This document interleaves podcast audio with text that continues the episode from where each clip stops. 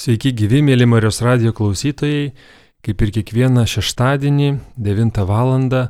girdite laidą Klausk drąsiai, kurioje laidos dalyviai, kunigai atsako į jūsų klausimus ir tų klausimų yra prisikaupę daug nuo praeitų laidų, todėl šioje laidoje skirsime laiką atsakyti į tuos klausimus, kurie nebuvo paliesti ankstesnėse laidose, kurių prisikaupė.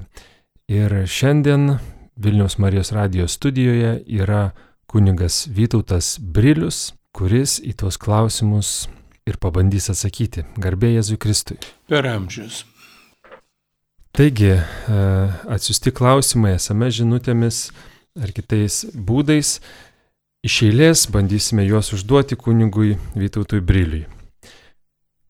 Kada prasideda amžinasis gyvenimas? Ar jis yra jau čia, gyvenant žemėje? Kadangi gyvenimas yra vienas ir, ir yra amžinas gyvenimas, tai jis prasidė, turėtų prasidėti čia žemėje. Yra tam tikras filosofinis toks dalykas, o gal ne tik filosofinis, gal gamtinis taip pat dalykas. Mes žemėje gyvenam apriboti laiko, o amžinybėje laikas neegzistuoja. Ir e, todėl pradžia ir pabaiga, e, pabaiga e, yra toksai saliginis dalykas. Tiesiog amžinybė yra pilnatvė viso gyvenimo. Pagal mūsų supratimą, kas buvo, yra ir bus. Tai yra amžinybė. Taigi galima galvoti, kad amžinasis gyvenimas prasideda štai jau šioje žemėje ir šioje žemėje mes galime būti su Dievu arba galime nuo jo pasitraukti. Ar žmogaus siela yra sukuriama jam prasidėjus iščiose, ar sielos jau yra sukurtos laikų pradžioje, tik ateina į žmogų jam gimus?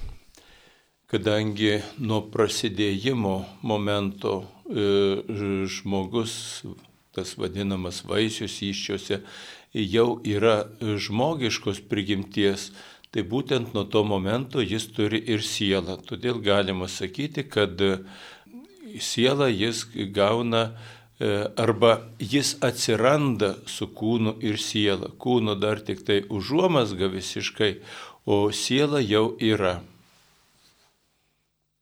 Kitas klausimas. Ar tiesa, kad pas Dievą laiko nėra? Pradžia ir pabaiga yra tas pats momentas. Dievui žinoma viskas, kas žmonių laikė įvyko, vyksta ir vyks. Dievas be abejo viską žino, o apie laiką mes jau kalbėjom, e, šiek tiek užsiminiau pradžioje į kitą klausimą atsakydamas. Kas yra laikas? E, jeigu aš gerai suprantu, atrodo, kad ir, ir moksliniai dalykai taip sako, laikas tai yra materijos judėjimas, materialių dalykų. Materialių dalykų pradedant elementariausiomis dalelėmis, kurios ne, nei masės nieko neturi ir baigiant kažkokiais tai kūnais. Ir tas judėjimas, kadangi yra pradžia, yra kažkoks vyksmas, yra pagaliau pabaiga kažkokio proceso, tai pagal tuos procesus yra matuojamas laikas. Pavyzdžiui, metai kai e, Žemė vieną kartą apsisuka aplink Saulę, para, kai Žemė vieną kartą apsisuka aplink savo ašį. Toliau dalinama ta para į 24 valandas, valandos dalinamos į minutės ir taip toliau ir taip toliau. Ta laiką galima būtų suvokti, bent jau man taip atrodo, kad patogu suvokti tarsi žmogus žiūrėtų į kažkokį paveikslą, būtų didelis paveikslas, kokį 2 metrai ant 3 metrų didelis paveikslas. Žmogus sėdi kambarį, tačiau tą paveikslą jis žiūri tik tai per vamzdį kažkokį, o žiūrėdamas per vamzdį jis nemato visamos.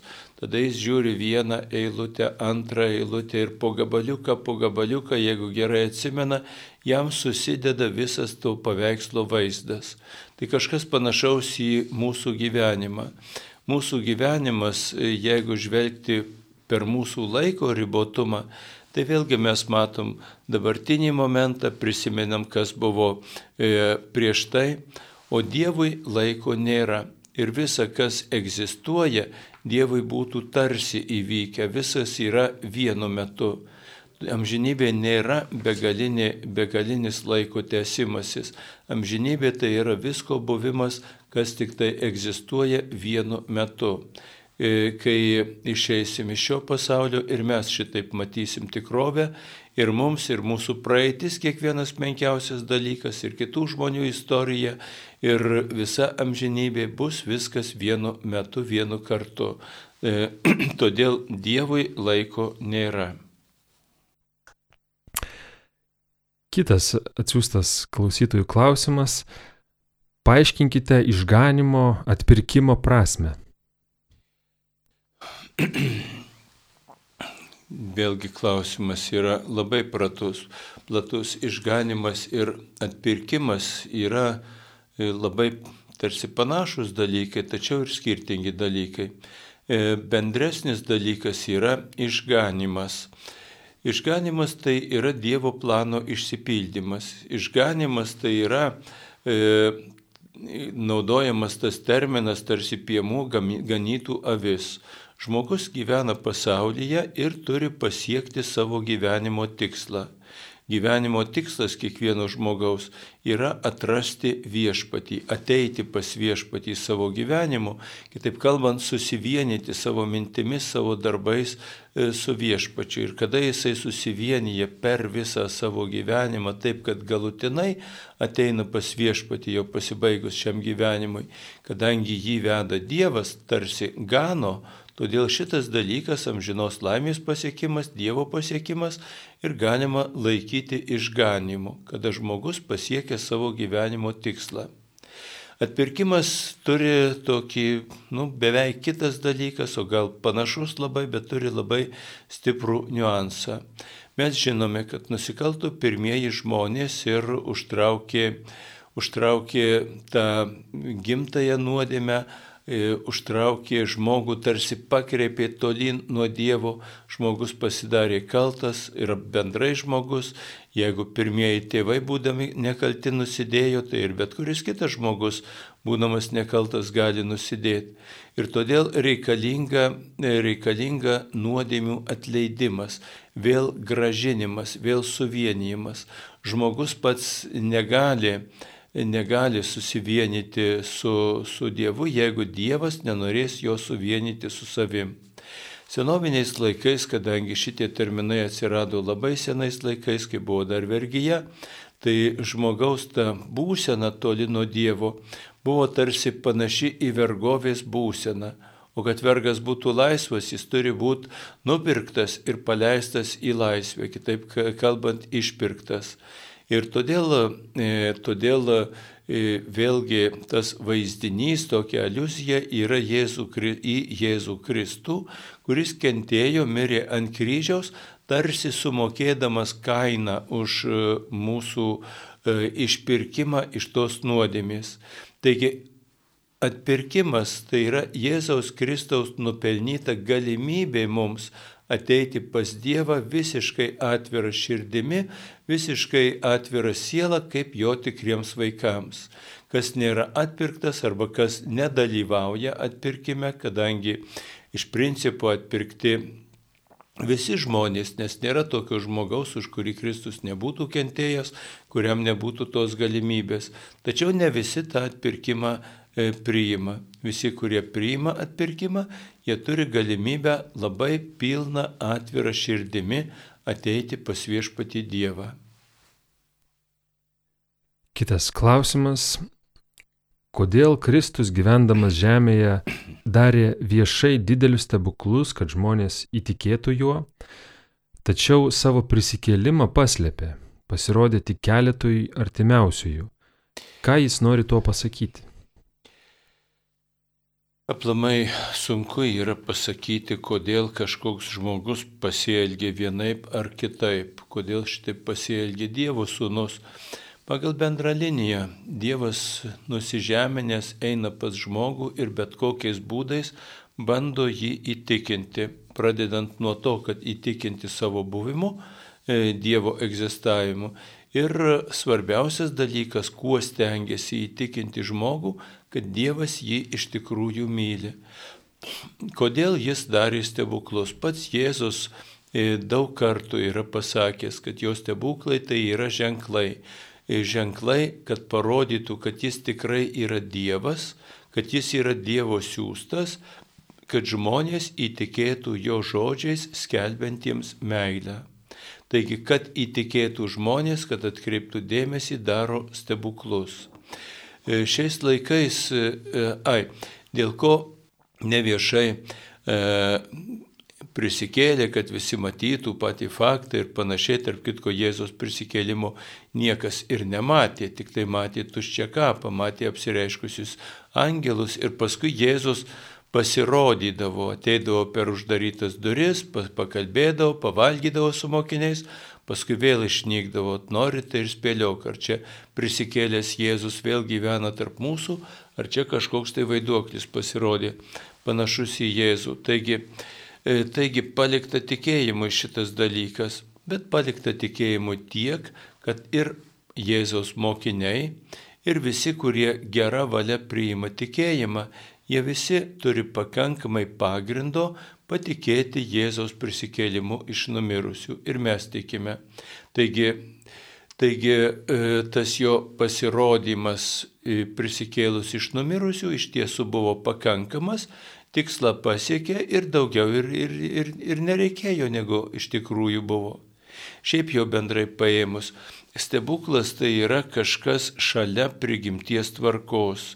Ir dėl to pats stebuklas, jis e, tarsi iš tikrųjų ir nelabai tinkamas, nelabai, nelabai gerai, kad reikia stebuklų, nelabai gerai, kad būna stebuklai.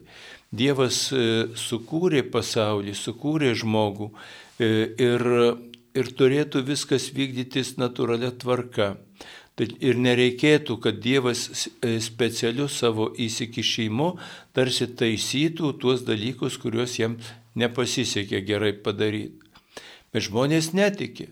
Žmonės netiki ir dėl to vyksta ir apsireiškimai, ir stebuklai, ir visa kita, kadangi Dievas eina paskui tą netikintį žmogų ir iš naujo, iš naujo įrodinėja ir savo buvimą, ir savo apvaizdą, ir savo meilę žmogui.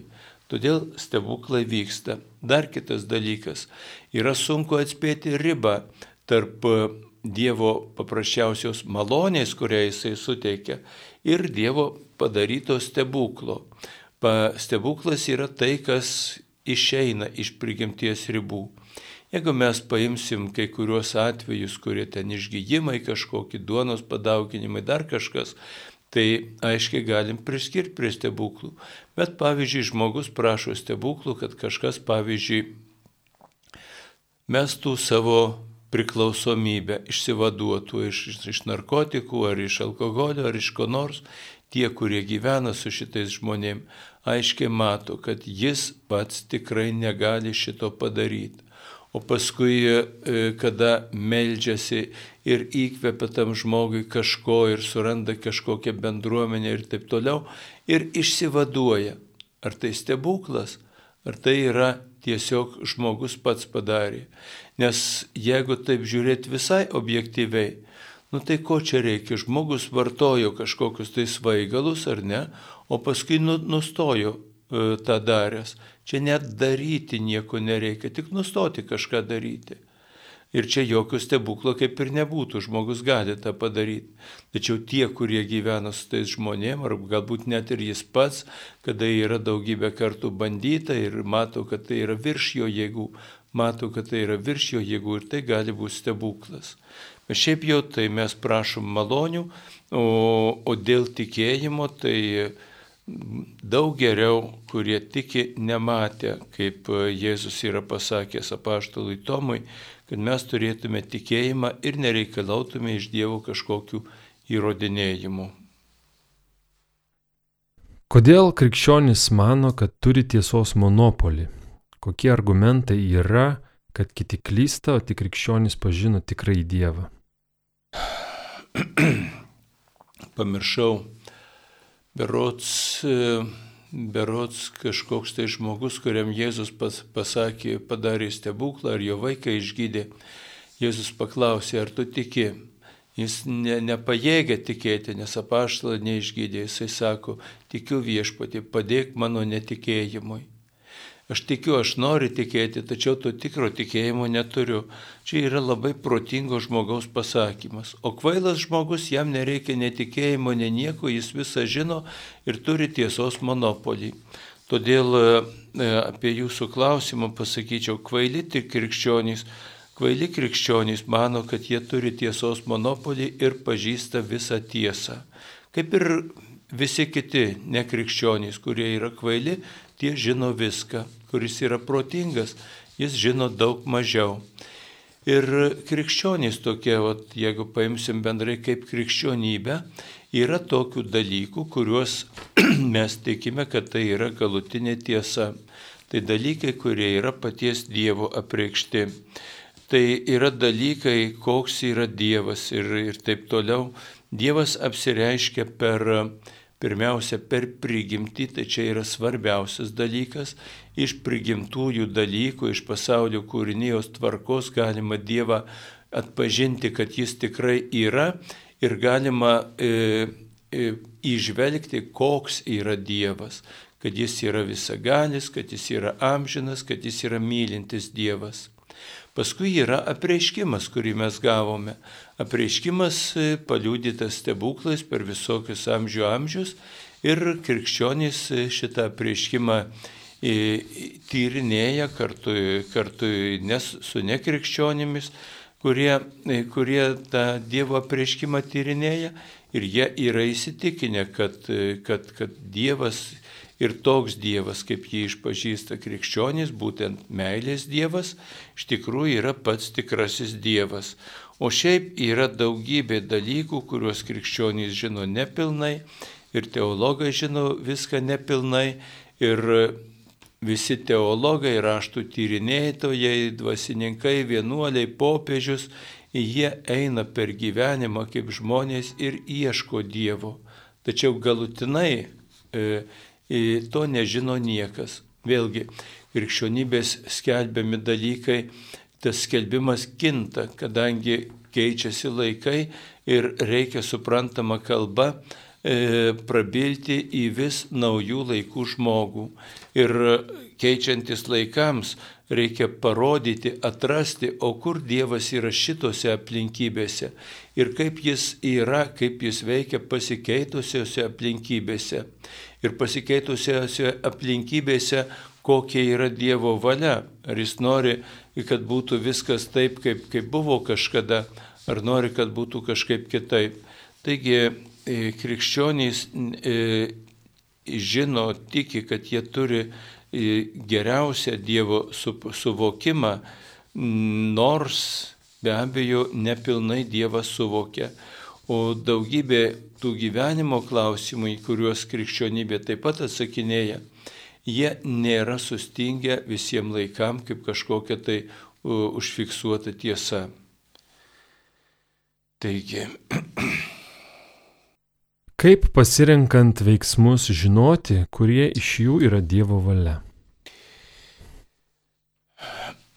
Mūsų veiksmai, žmogiški veiksmai, jeigu mes kalbam apie, apie jau, jau šitą kryptimį žmogiškas veiksmas, tai yra toks veiksmas, kuriame dalyvauja žmogaus protas ir jo valia, o taip pat mums svarbus e, moralinę e, vertę turintys veiksmai. Tai yra e, toks veiksmas, kuris yra arba geras, arba blogas, arba kažkiek turi gėrio, kažkiek turi blogio, arba abiejų kartu. Iš tikrųjų, tai negalima pasakyti griežtai ir aiškiai, ir tokių etikečių nėra, kad e, Dievo valia yra būtent taip arba kitaip. Žmogus yra paleistas Dievo į gyvenimą pakviestas į gyvenimą, kad jisai savo protų ir savo valia nuspręstų. Dievas duoda pakankamai savęs pažinimo, žmogus tiesiog gali žvelgti ir galvoti, ar Dievui patinka, jeigu pasielgsiu šitaip, ar nepatinka Dievui. Ar Dievas džiaugiasi, kad aš va šitaip bendrauju su artimu, arba šitaip jį vertinu, ar Dievui skauda širdį, kad aš taip elgiuosi ir panašiai. Mm, todėl atsakyti arba surasti kažkokį tai ženklą, kad iš dangaus tau du kartus pastuksėtų, jeigu ten Dievo tokia valia. Šito nėra ir būti negali. Bet žmogus pats turi e, stengtis pažinti Dievą, pažinti jo bendrą mintį ir gyventi pagal jo bendrą mintį, tai ir bus Dievo valia. Kitas atsiustas klausimas su citata, nežinau tiksliai iš kur, klausytojas rašo. Kodėl iš Dievo įsakymų išimtas šitas? Nedirbsi savo drožinio, nei jokio paveikslo panašaus į tai, kas yra aukštai danguje ir kas yra čia žemėje, ir kas yra vandenyse po žemę. Jiems nesilenksi ir jų negarbinsi, nes aš viešpats tavo Dievas esu pavydus Dievas, skiriantis bausmę už tėvų kaltę vaikams, trečiajai ir ketvirtajai kartai tų, kurie mane atmeta, bet rodantis ištikimą, ištikimą meilę iki tūkstantosios kartos tiems, kurie mane myli ir laikosi mano įsakymų. Tai yra kitoje vietoje švento rašto e, plačiau paaiškintas Dievo įsakymas. Neturėk kitų dievų, tik mane vieną. Štai ką reiškia va šitas platus sakinys. Jeigu neklystų, jis yra arba pakartoto įstatymo knygoje, arba kunigų knygoje, negaliu tiksliai atsiminti, tačiau e, ši, e, šis įsakymas yra iš e, šventojo rašto. Reiškia, neturėk kitų dievų, tik mane vieną. Išskyrus vieną vienintelį dievą, visi kiti dievai yra vadinami dievai, yra tarsi žmogaus e, pagaminti.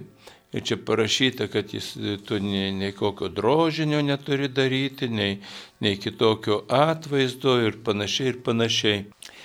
Galima ne tik e, statulėlę kažkokią Dievo pasidaryti, bet žmogus gali Dievą pasidaryti ir savo mintimis, kada jisai susikuria tokį Dievą, koks jam patinka ir jį garbina. E, o Dievas yra vienintelis. Ir žmogus, e, kuris galvoja, kad aš tikėjime pasirinksiu, kas man labiau tinka, kas man labiau patogu, kas man atrodo teisinga, e, jisai iš esmės susikuria savo kažkokį dirbtinį Dievą. Tas žmogaus susikurtas Dievas, ypač tas mintyse susikurtas Dievas, jis gali būti ir, ir patrauklesnis, ir patogesnis negu tas vienintelis tikrasis Dievas. Jo yra e, didžiulė, didžiulis trūkumas, kad jis nėra tikras, tai paties žmogaus kūrinys.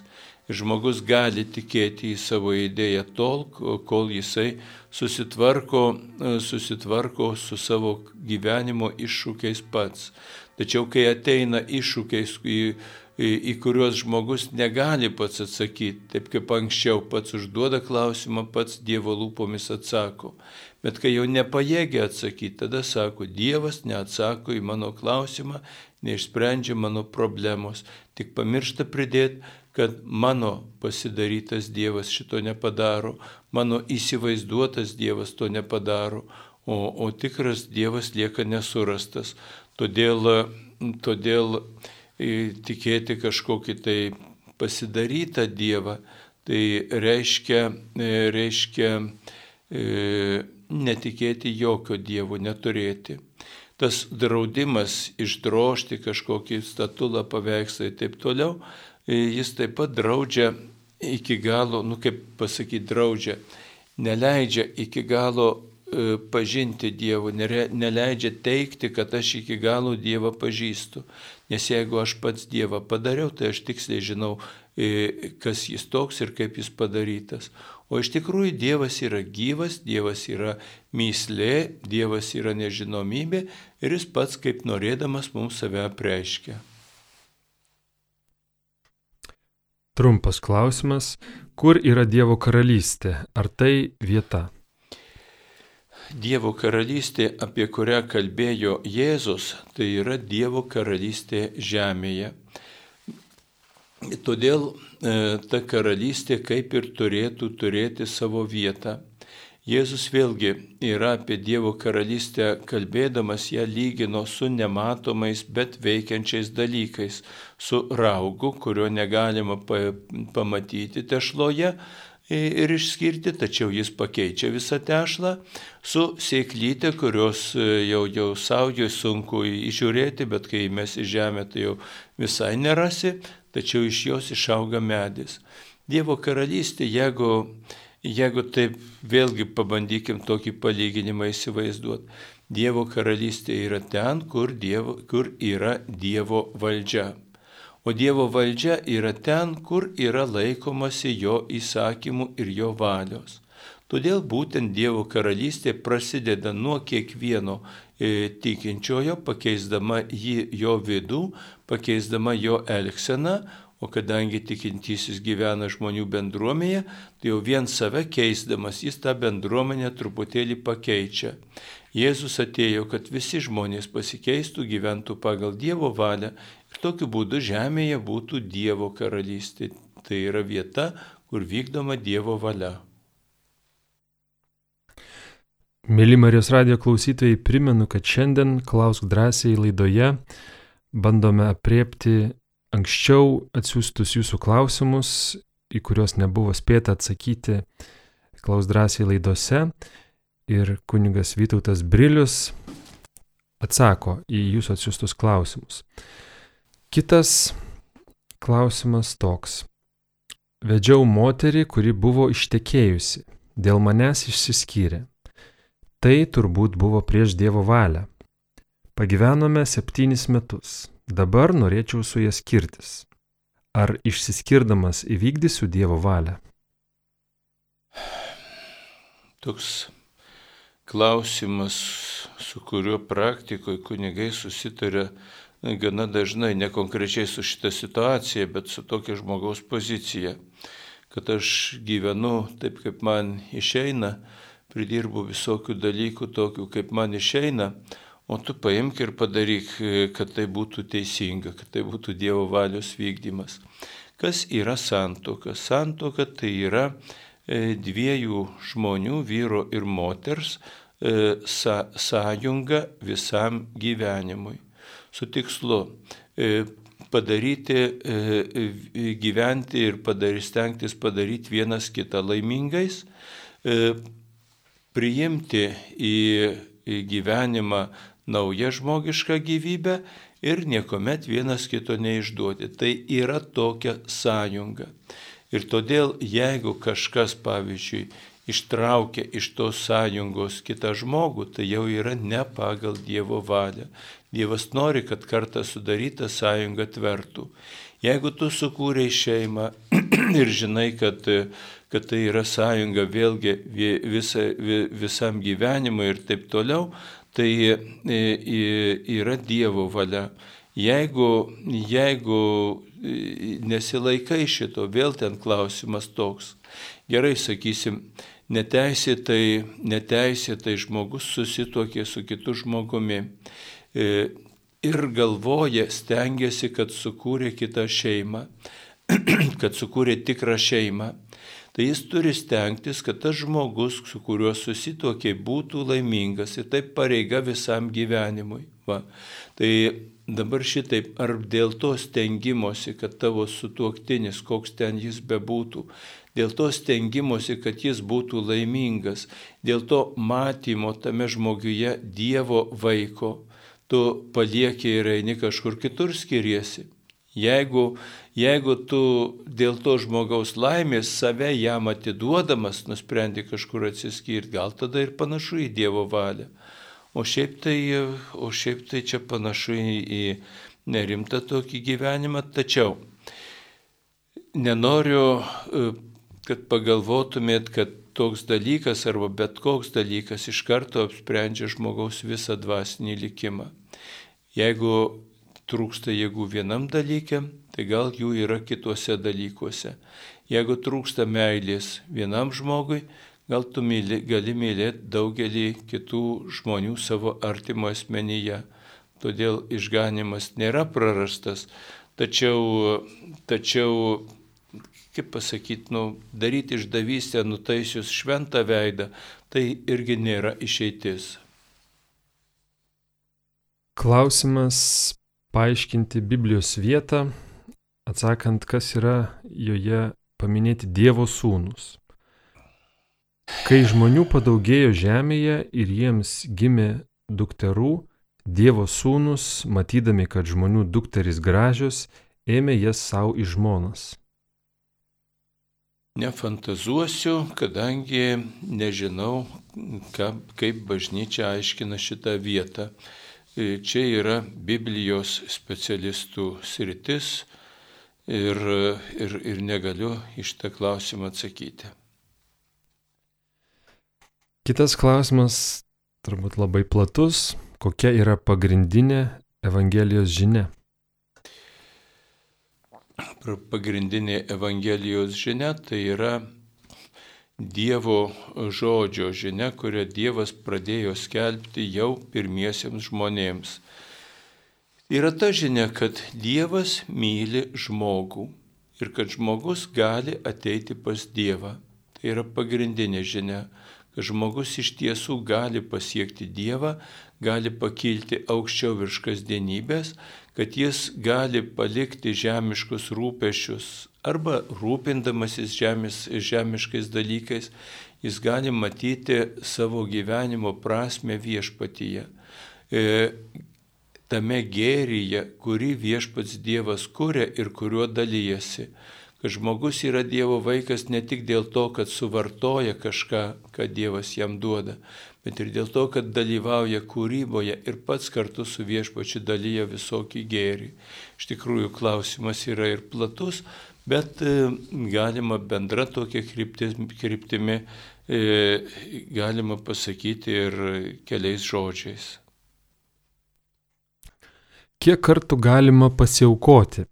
Rožinio metu kas vakarą skaitomas pasiaukojimas Dievo motinai.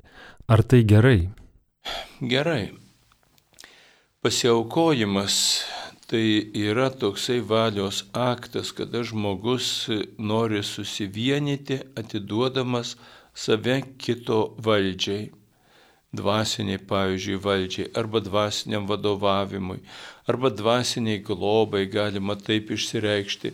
Ir todėl e, kada mes padarom tokį aktą, norim save atiduoti, o paskui praeina kažkiek laiko ir mes tiesiog pamirštam, negali ta mintis visą laiką e, sėdėti tavo galvoje tiesiog pamiršti, darai kažką tai tokio savaime.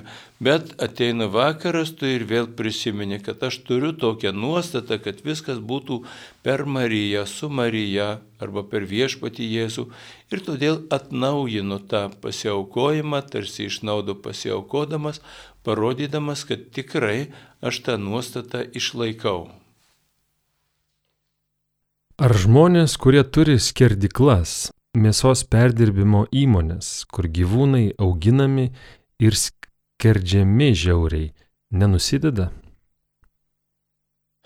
Dievas, kai sukūrė žemę, yra jau parašyti, kad štai atiduodu visus gyvūnus, visus augalus ir taip toliau ir taip toliau. Ir žmogus, e, žmogus yra e, šitų, jeigu galima pasakyti, netgi augalų, gyvūnų viešpats ir gali jiems palikti gyvybę, atimti gyvybę. E, kažkada man e, irgi buvo tokia mintis, dar vaikystės metu aš paklausiau senelio savo amžinatėsi, ar negaila pjauti keulę, nes jinai labai žviegia ir jai labai skauda. Tai jis man gražiai atsakė, sako, tas gyvulys yra tam ir augintas, kad jis būtų papjautas ir suvalgytas. Jeigu, jeigu šit, kada šitą padarai, tas gyvūnas į, tarsi pasiekia savo gyvenimo tikslą. Jeigu, šito, e, jeigu nebūtų tokio tikslo, ta keulė paprasčiausiai nebūtų gimusi, o lakstytų kažkokie jos protėviai šernai po, po miškus ir, ir tarp, taip pat tarp kitko ir kentėtų ir žūtų. Todėl, todėl, kadangi mes maitinamės ir augalais, ir gyvūnais, tai labai tinka ir labai yra, kaip pasakyti, žmogiška, kad tuos gyvūnus nužudom, nevalgom, kol dar jie gyvi yra. Taigi jie yra nužudomi, tada paruošiami ir suvalgomi. E, ir todėl žmonės, kurie dirba šitą darbą, jie tikrai nenusideda. Nuodėmė būtų, jeigu specialiai žiauriai elgtųsi su gyvūnu arba jį kankintų visai be reikalo. Man pavyzdžiui vienas toks yra dalykas, kuris dabar ateina į madą žvejyboje, vadinamas toks principas - pagavai ir paleisk kad žuvį pagavai, tada tu ją turėtum atkabinti nuo kabliuko ir vėl paleisti atgal į, į, į vandenį. Man toks dalykas panašus į gyvūnų kankinimą, nes man atrodo paprasčiausiai, jeigu tau nereikia tos žuvies, tu jos paprasčiausiai negaudyk, tegu savo auga ramybė. Jeigu tau reikia, tai pasigauk ir, ir, ir, ir panaudok, nekankindamas be reikalo. Ar galėtumėte paaiškinti, kaip yra su laisva valia? Kodėl galiu apsispręsti daryti gerą ar blogą, bet negaliu apsispręsti, kad su manimi būtų daroma gera ar bloga? Čia yra labai, labai paprastas dalykas. Nors mums iškyla tos klausimas, mes dažnai klausim, kodėl kažkas pasielgia taip ar taip. Nu, todėl, kad jam atrodė, kad taip yra geriau tuo momentu ir viskas. Dabar jeigu taip konkrečiai atsakyti, tikrai žmogus turi laisvą valią ir aš galiu e, apsispręsti, ką man daryti, ko nedaryti. Kitas žmogus turi savo valią ir jis padaro savo sprendimą, kaip jam pasielgti kažkokiu tai kažkokiu momentu. Ir kada man kažkas daro, daro gerą arba blogą, tai ne aš apsisprendžiu, kad man gerą arba blogą darytų, nors galiu paprašyti, bet kitas nusprendžia, kaip su manim pasielgti. Dažniausiai kažkas e, padaro kažkokį blogį man dėl tos priežasties, kad jam atrodo, kad jam bus taip geriau. Va. Ir todėl e, mes atsakingi už savo veiksmus, neatsakingi už kitų veiksmus. Vėlgi iš to išplaukia dar kitas dalykas. Negalima savo veiksmų argumentuoti, todėl pasielgiau, kad šitaip pasielgia kiti. Arba jeigu kažką blogai padariau, tai rodau, rodau pirštu į kitą, kad jis dar kažką blogiau padarė. Mes atsakingi už savo veiksmus ir mes neturime būti priklausomi nuo to, kaip elgesi kiti, gerai ar blogai, o patys mes visada turime tik tai gerai elgtis. Ar visi burtai, astrologija, sapnų aiškinimai yra blogis? Šventajame rašte sutinkame, kad apaštalai metė burtą. Žinia išskaitė žvaigždėse Kristaus ateimą ir atėjo į Betliejų. Parašyta, kad jūsų sūnus ir dukteris pranašaus, seniai sapnuos sapnus ir jaunuoliai matys regėjimus. Taip, yra sudėtinga gana, ką mes laikome burtais, vėlgi su tais sapnais, čia e, šventajame rašte pa, paaiškita, parašyta, mes tikime tais dalykais, kad e, e, pavyzdžiui, šventam Juozapui sapne apsireiškė angelas ir pasakė, imk e, savo žmoną ir jos sūnų ir vykite į Egiptą, nes Erodas nori jūs nužudyti. Sapne apsireiškė angelas. Bet neparašyta, kad jam prisisapnavo angelas. Vat kaip šitą atskirti, ar sapne apsireiškė, ar tiesiog prisisapnavo, čia yra sudėtingas dalykas. E, bendrai, bendrai e, draudimas tikėti burtais, sapnais, astrologijom ir kitais dalykais, tai yra e, aiškinimas įsakymų neturėk kitų dievų, tik mane vieną. kadangi yra vienas Dievas, kuris normalia tvarka kalba į žmogų per jo sąžinę ir per savo apreiškimą, e, jis e, neturėtų kalbėti, nereikėtų ieškotis jo kalbos per kažkokius sapnus ir burtus. Nors galima prašyti iš Dievo kažkokio ženklo ir jis daro, bet jeigu žmogus e, šitaip elgesi, labai yra slidi riba ir jis gali paklysti ir gali savo kažkokius įspūdžius, kažkokius tai atsitiktinius dalykus priimti už ženklus, gali e, atsakomybę sumesti kažkam, kad vienai pasielgiau arba kitaip, tai ne aš atsakingas, o ten, sakysim, žvaigždės, burtai, dar kažkas tai tokio. Kad nebūtų šitų dalykų, tai bažnyčia e, netgi bažnyčios, e, kaip pasakyti, ankstesnis judaizmo tikėjus draudė šituos dalykus ir, ir žmonėms draudė užsiimti, kad, kad būtų žmogaus ir Dievo santykis normalus, grinas, be nereikalingų tarpininkų. O kad Dievas gali apsireikšti, gali kažką pranešti, pasakyti įvairiausiais būdais, tai žinoma, tai yra tiesa, bet kaip tuos dalykus atskirti praktiškai yra labai sunku jeigu kažkam kažkas labai svarbaus prisisapnuotų arba koks ženklas atsitiktų, manau, kad reikėtų kreiptis į bažnyčią ir tartis su, su kunigu tikriausiai ir aiškintis, ar tai galėjo būti ženklas. Kaip suprasti visuotinius atlaidus? Kodėl kasdien melžiamės, kad juos gautume? Ar neužtenka gauti vieną kartą? Visuotiniai atlaidai, e, tas paprastas jų aiškinimas būtų, tai dalinės bausmės už nuodėmės atleidimas. E, ir bažnyčia e, iš savo dvasinio lobino, kaip ten labai aiškiai yra rašoma, jinai paskiria tą atleidimą laikinosios bausmės. E, šita samprata tai yra šventų, dvasingų ir tarp kitko labai teisingų dalykų, toks labai sudaiktinimas. Jeigu prisiminsim senovę krikščionybės laikais, žmonės ateidavo iš pažinties, padarė sunkes viešas nuodėmės. Jiems būdavo užduodama e, atgaila ir tos atgailos būdavo viešos ir labai sunkios.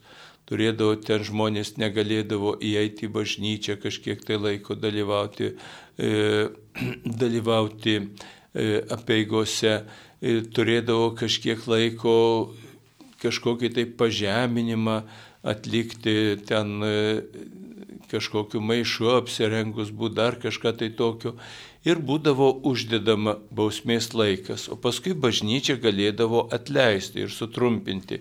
E, sutrumpinti ten trim dienom, penkiom dienom arba visam laikui sutrumpinti ar dar kažką tai tokio.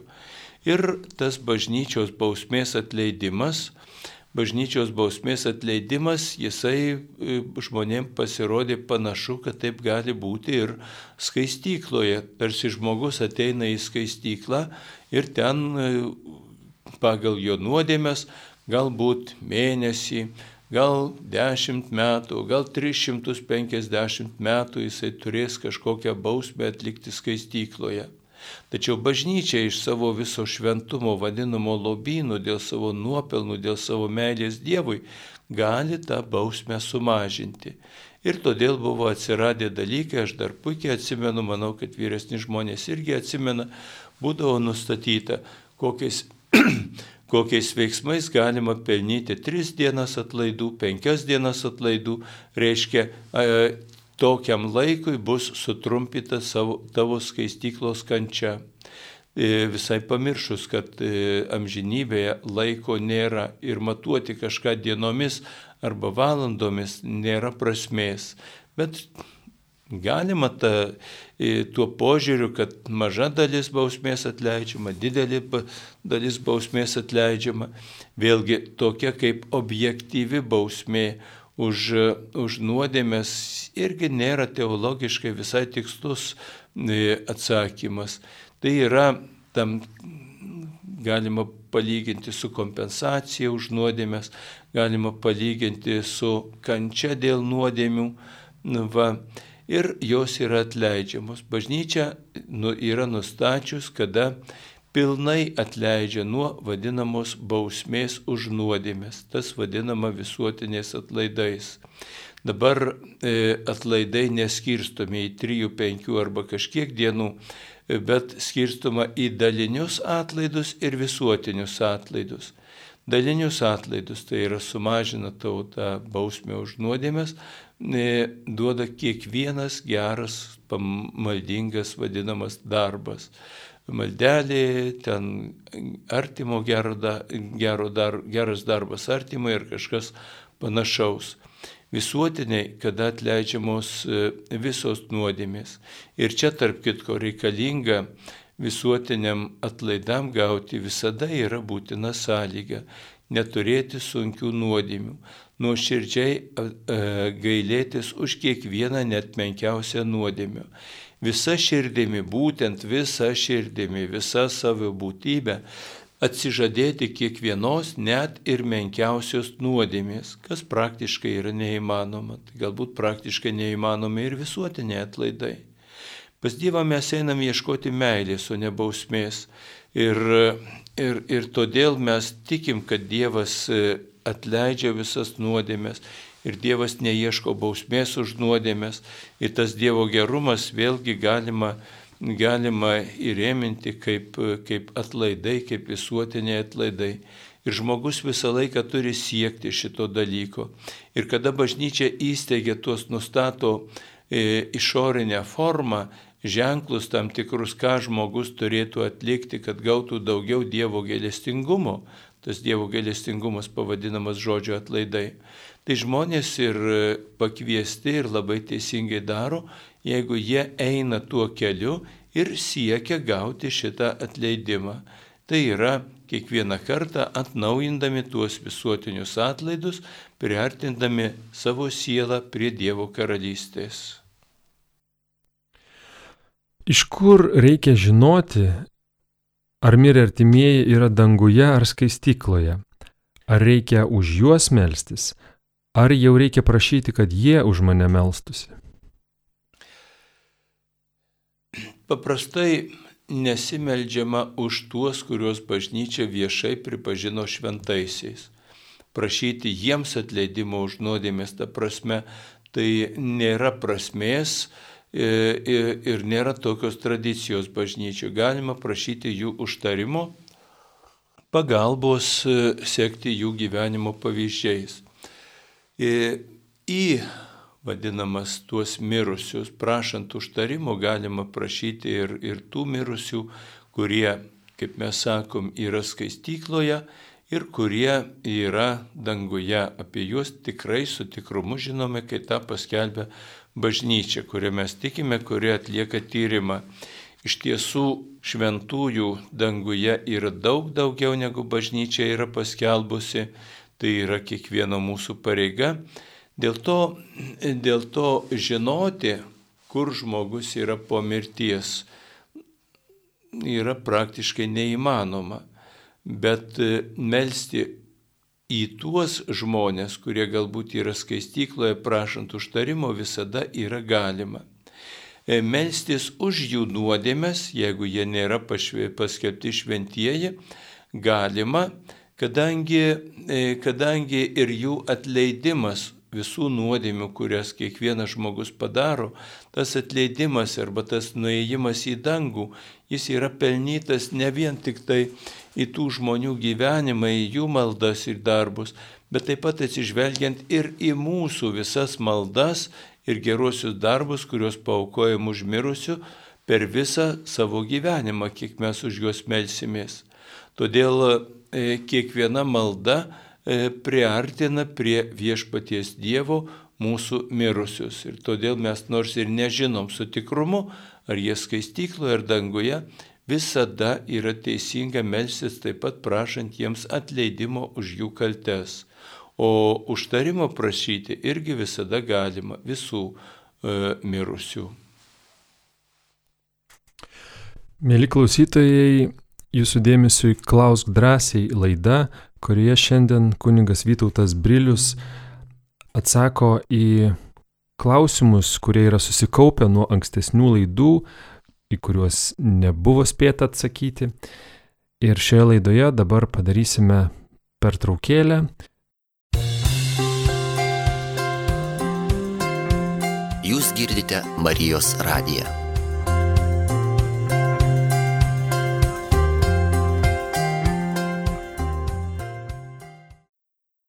Mėly klausytojai, grįžtame į studiją po trumpos pertraukėlės, kur tęsėme laidą Klausk drąsiai. Šiandien Vilnius Marijos radijos studijoje esantis kuningas Vytautas Brilius atsako į jūsų klausimus, kurie buvo atsiusti ankstesnėse Klausk drąsiai laidose, į kuriuos nebuvo spėta atsakyti. Taigi, tęsėme laidą, toliau skaitome jūsų klausimus Ir toliau kuningas Vytautas Brilius į juos atsako. Ar nėra pagoniška melstis prie statulų paveikslų? Juk pagonis irgi pačių vaizdų nelaikė dievais, o tik dievų atvaizdais. Kuo skiriasi krikščionių malda prie statulų ir pagonių malda prie statulų? Statulos paveikslai tai yra priemonės mums krikščionėms kurie padeda išlaikyti dėmesį prie maldos. Kada mes žvelgiame į kryžių, į statulą, į atvaizdą, mes tarsi matome to šventojo veidą, mes matom, kas ten nupaišyta, tuose paveiksluose būna tam tikros simbolikos, e, vėlgi e, nukreipia, padeda išlaikyti mintis. E, šita kryptis, šita prasme prie statulų paveikslų melstis yra labai krikščioniška. Tačiau ir krikščionys e, e, sugeba vis dėlto to pagoniško elemento įnešti į šitą pamaldumą. Tada pavyzdžiui, kai, e, kai įtiki, kad prie vieno paveikslo labai efektyvu melstis, prie kito mažesnį efektą duoda, mažiau kažkas išklausys ir panašiai, čia jau būtų pagoniška tokia mintis o tiesiog e, žvelgiant į kažkokį atvaizdą, kuris padeda mums susikaupti, išlaikyti mintį ir jos krypti prie mūsų maldos, tai yra labai gražu ir krikščioniška. Ar tiesa, kad lietuvių kunigaikštis Daumantas yra stačiatikių šventasis? Stačiatikių šventieji ir, ir skelbimas šventaisiais skiriasi nuo e, katalikų ir todėl, todėl yra daugelis dalykų įmanoma. Pavyzdžiui, stačiatikių, kaip čia pavadinti, praktikoje, taip pavadinkim, jų visa religija, jų tikėjimas yra labai susijęs su valstybe. Ir todėl e, skelbiant šventaisiais apsižvelgiama ne tik į nuopelnus, kuriuos tie žmonės turėjo bažnyčiai kažkada arba tikėjimą arba tikintiesim, bet ir į nuopelnus, kurie e, e, pasitarnavo valstybei. Nu, e, tai nėra iš pats šaknų blogis kažkoks, kadangi valstybė vėlgi yra žmonių bendruomenė ir tarnavimas valstybei taip pat yra tarnavimas žmonėms, nors e, pagal dabartinės praktikas tai kartais sunku e, arba ne visada įmanoma tuos dalykus sutapatinti. Ar konkrečiai Daumantas yra paskelbtas, kad stačiatikių šventuoju, e, nežinau. Nežinau aš tos istorijos, tačiau iš principo įmanoma. Ar teisinga krikščioniui prašyti iš Dievo savo kančios, norint prisimti bausmę už kito žmogaus nuodėmės? Jėzus Kristus yra pasakęs, kad tikintysis turi imti savo kryžių ir nešti kartu su juo. Ir kada mes e, Jėzaus Kristaus kančią suvokiame tarsi bausmę e, uždėtą už kito nuodėmės arba atlyginimą už mūsų nuodėmės uždėtą, Šitą prasme mes patys taip pat galime savo kančią visų pirma, ką blogo patiriam, paaukoti Dievui, tarsi tai būtų ne mūsų ištikusieji dalykai, bet mūsų laisvanoriška auka Dievo garbiai ir žmonių geroviai. taip pat vadinama atperkamoji auka už nuodėmės. Todėl prašyti kažkokios kančios, norint prisijimti bausmę už kito nuodėmės, tai tikrai nėra, nėra konkreti klaida. Galima šitaip daryti ir, ir kaip ir viskas proto ribose ir bus viskas labai gerai tvarkoj.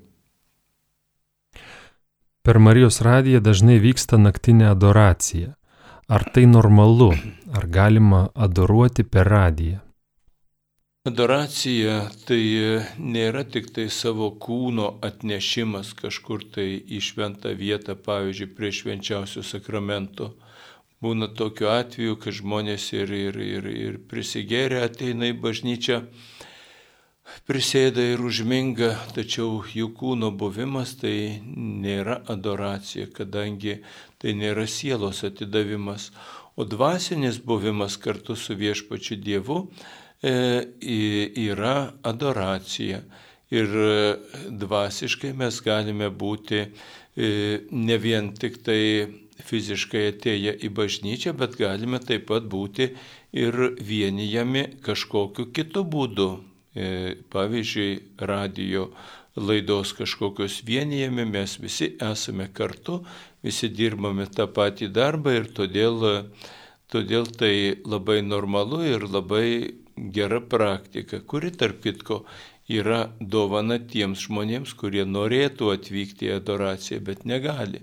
Dėl e, sveikatos, dėl sąlygų, dėl priemonių, dėl, dėl e, atstumo ir taip toliau. Todėl tas e, adoracija per radiją yra labai geras dalykas, ypač tiems, kurie negali fiziškai ateiti į adoracijos vietą. Ar angelai yra sutverti pagal Dievo paveikslą ir panašumą? Jeigu kalbam apie Dievo paveikslą ir panašumą, tai mes pirmiausia turbūt žvelgiam į patį paveikslą, o koks yra Dievas. Dievas yra teisingas, ištikimas, kantrus, gailestingas, dosnus, kūrybingas ir taip toliau mylintis Dievas daugybė, daugybė šitų dalykų. Mes juos randame pas žmogų, šitos dalykus, todėl sakom, kad Dievas sukurtas e, pagal, kad, atsiprašau, kad žmogus sukurtas pas, pagal Dievo paveikslą, bet ir angelai yra tokie, ir teisingi, ir gailestingi, ir mylintys, ištikimi ir taip toliau. Todėl ir jie yra sukurti pagal Dievo paveikslą. Na ir vienas esminis dalykas tai yra proto pažinimas ir laisva valia, galimybė pačiam nuspręsti, ką, e, ką daryti, ko ne. Maldose yra tokių žodžių, kur prašom Jėzaus ar Marijos - nepaniekink, net mesk. Ar Dievas jaučia tokius jausmus kaip žmogus? Ar jis gali būti įsižeidęs, neapkesti, niekinti ir panašiai? Dievas negali būti įsižeidęs, negali jokių būdų neapkesti, nes e, Dievas yra meilė, o neapykanta tai yra meilės priešybė ir jeigu Dievas kažko nekestų, tai, e, tai e, jisai pats save naikintų, jeigu taip galima įsivaizduoti. Šventame rašte yra daugybė tokių dalykų, E, palyginimų žmogiškų, kur prašoma Dievo, kad nepaniekintų, kad Dievas paniekino kažką, tai neatsimenu, kur parašyta, bet prašymai, kad nepaniekintų yra, yra e, taip pat atmetimas minimas apie Dievą ir panašiai. Čia yra sužmoginami dalykai, kadangi, kadangi tarsi žmogui atrodo, kad Dievas jį palieka ir netitinka žmogaus lūkesčių, kaip Dievas turėtų su juo e, pasielgti. Dėl to žmogus taip ir sako, tu Dieve mane paniekinai. Prisiminkim tarp kitko, e, tarp kitko Jėzaus palyginimą, kada jis kalba, kad e, nėra tokio tėvo, kuris duonos prašančiam atkištų akmenį arba prašančiam žuvies duotų gyvatę.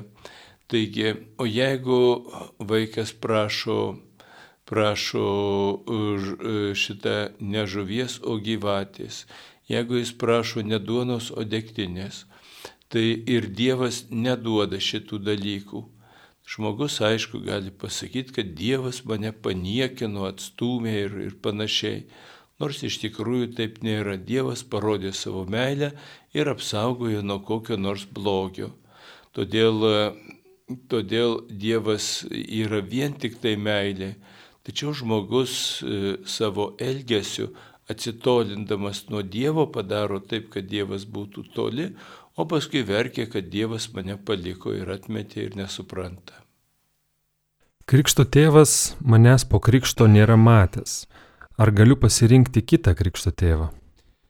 Negalite. Krikšto tėvas yra e, tas, kuris krikšto metu stovi šalia ir prisijima pareigą padėti tą pakrikštytą asmenį išauklėti krikščioniškai, padėti jam eiti Dievo keliu. E, ir kadangi krikštas yra vienas, vieną kartą ir kitas jau neatsistos, tai kito krikšto tėvo pasirinkti negalima. Bet galima gražiai bendrauti su giminėmis, galima susirasti draugų, galima susirasti ir bažnyčioje kažkokį dvasinį palaikymą ar vedimą. Kas yra amžinosios mišios ir kam jos skirtas? Amžinųjų mišių apibrėžimų yra keletas, mažiausiai keletas. Aplamai tai yra, e, tai yra tokia mintis, kuri buvo pradėta reikšti e, šitoj tokioj praktiniai teologijoje arba praktiniai katechezai. Čia kažkur XIX amžiaus pabaigoje, XX amžiaus pradžioje kadangi yra tiek e, katalikų bažnyčia išplėtus, tiek yra kunigų po visą pasaulį, po visus žemynus vyksta, e, vyksta mišios. Pas mus e, dabar yra, sakysim, 11 valandų, o kažkur kitur yra jau 12, o kitur yra 13 ir panašiai ir panašiai. Ir aplink visą pasaulį, sakysime, tos pačios, nu, sakykime, 8 valandos mišios, 8 valanda yra čia, po valandos 8 valanda yra kažkur toliau, dar po valandos dar kažkur yra 8 valandos mišios ir nenutrūkstamai per visą pasaulį vyksta šventųjų mišių auka. Buvo e, tais laikais šitas dalykas toks pabrėžiamas, pateikiamas žmonėms pamastyti, pasidžiaugti ir čia yra viena, e, viena amžinųjų mišių samprata, kad amžinos mišios tai yra tai, kad e, e, visą parą, kiekvieną dieną, visam pasaulyje kažkur yra aukojamos mišios.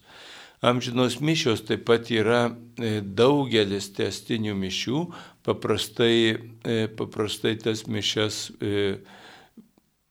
kaip čia pasakyti, įsteigia kokios nors pastovios bendrijos, dažniausiai vienolyjos, Tai reiškia, kad tiesiog žmonių intencijomis kiekvieną dieną, metai iš metų, dešimtmečiai iš dešimtmečių arba dar ilgiau yra aukojamos mišios.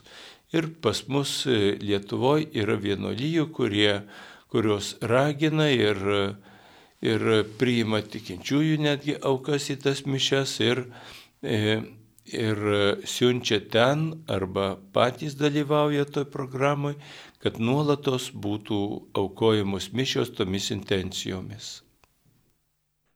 Mačiau plakatą, kur nupiešti venktini krikščionims simboliai. Tarp jų drugelis, žaibas, saulė. Kaip tie simboliai veikia? Jei nešioju suknelę su drugeliais, ar nusidedu? Nenusidedat. Puošiat, puošiat savo aplinką su labai gražia suknelė. E, Apaštalas Paulius rašė, berots Paulius, gal, gal ir Petras, rašė apie paukotas tabams mėsą. Tais laikais, kai būdavo šventės, taip pat pagoniškos šventės, visur buvo panašus paprotys. Paukotos, paukotą gyvulį sudegina. bet sudegina paprasčiausiai tuos e, dalykus, kuriuos, kurie skanus dievams, bet nelabai ne vertingi žmonėms. Kailį, riebalus, galvą, kanopas, ragus ir visus kitus dalykus, o, o, o vidurius visus, o mėsą dalina. Dalis tenka šventyklai, dalis tenka kunigams, dalis tenka kaip taisyklė e, šitiem labdarai ir panašiai. Ir pavyzdžiui, jeigu vyksta šventė, yra kunigai, įsivaizduokim to šventyklų dešimt kunigų. Jie paukojo, jie paukojo ten, žmonės paukojo e, dešimt jaučių ir trisdešimt avinų. Ir kur tą mėsą dėti, kada tau tais laikais be šaldytuvų tenka, aš nežinau, 20-50 150 kg mėsos neša į turgavietę ir parduoda. Tačiau labai, labai šventi krikščionys e, galvodavo taip, o, o, o čia yra stabams paukota mėsa, mes susitepsim, nusidėsim ją valgydami. Ir apaštalas rašo taip, nėra ten tų dievų, tai nėra ir nuodėmės, nepaukotos mėsos.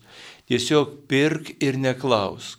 Jeigu tu specialiai ieškosi paukotos mėsos, arba jeigu tau parduos ir sakys, čia yra paukota mėsa, tada geriau nepirkti ir nevalgyti. Bet šiaip normaliai nekreipti į tuos dalykus dėmesio.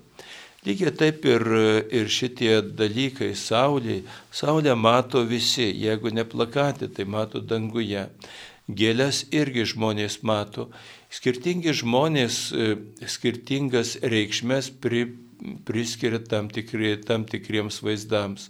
Ir todėl jeigu krikščionis priima kažkokią reikšmę, kuri yra pri, priskiriama, tada jis nusideda. Jeigu jis tą suknelę nešioja kaip plakatą, kad vat, visiems kišu šitas gėlės, kurios turi kažkokią tai simbolį ir, ir, ir mintį, tada jis nusideda.